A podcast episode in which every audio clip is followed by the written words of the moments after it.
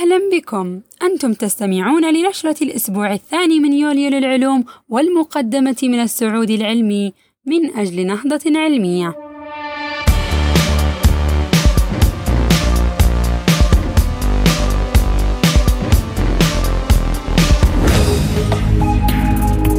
ناسا تؤكد عدم مقدرتها على إرسال البشر إلى المريخ في الموعد المحدد.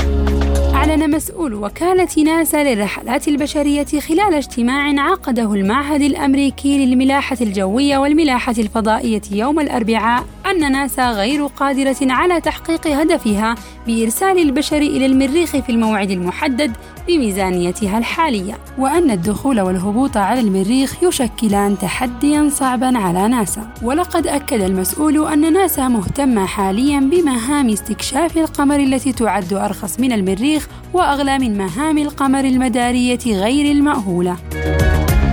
ستعتمد خطوة ناسا القادمة على مقدار الدعم المادي الذي تتلقاه خاصة وأن تصميم صاروخ SLS ومركبة أورايون كلفوا ناسا الكثير العلماء يصنعون قلبا من السيليكون قادر على النبض طور علماء من المعهد الفيدرالي السويسري للتكنولوجيا في زيورخ قلبا مصنوعا من السيليكون بطابعة ثلاثية الأبعاد وهو ينبض تقريبا مثل القلب الطبيعي وهو ما يشكل خطوة أقرب في سبيل استبدال الأعضاء البشرية التالفة دون الحاجة لزراعة أعضاء بديلة من متبرعين بشر.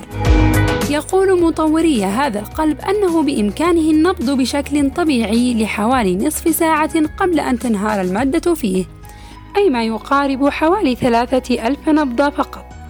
وهو أمر يعمل الباحثون الآن على تطويره. ولهذا فإن استخدام هذا القلب السيليكوني حاليا هو مؤقت حتى يتوفر متبرع أو يتعافى المريض.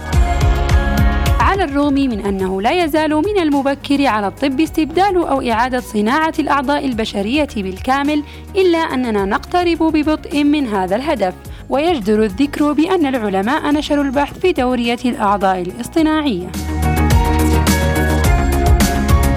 انفصال أحد أضخم الجبال الجليدية في القارة المتجمدة. أكد قمر موديس الصناعي التابع لناسا انفصال جبل جليدي ضخم عن القارة المتجمدة وهو ما حذر العلماء منه منذ يوليو الماضي.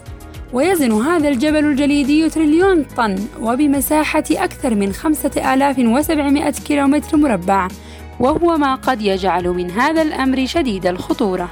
وعلى الرغم من أن العلماء لا زالوا يبحثون عن سبب هذا الانفصال وعما إذا كان بفعل الاحتباس الحراري أو لا إلا أن بعضهم يقول أنه حصل لأسباب طبيعية.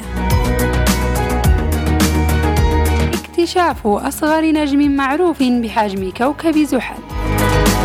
اكتشف علماء الفلك نجما يعد أصغر نجم معروف للبشرية حيث يقدر حجم هذا النجم بحجم كوكب زحل وهو على بعد 600 سنة ضوئية.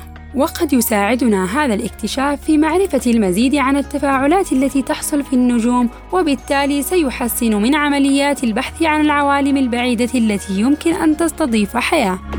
وعلى الرغم من أن البحث عن هذا النجم شكل تحديا صعبا لكونه يشكل نظاما ثنائيا مما جعل العلماء يعتقدون سابقا أنه كوكب خارجي إلا أن القياسات الدقيقة ساعدت في الكشف عن طبيعته. ولقد نشر هذا الاكتشاف في دورية علم الفلك والفيزياء الفلكية.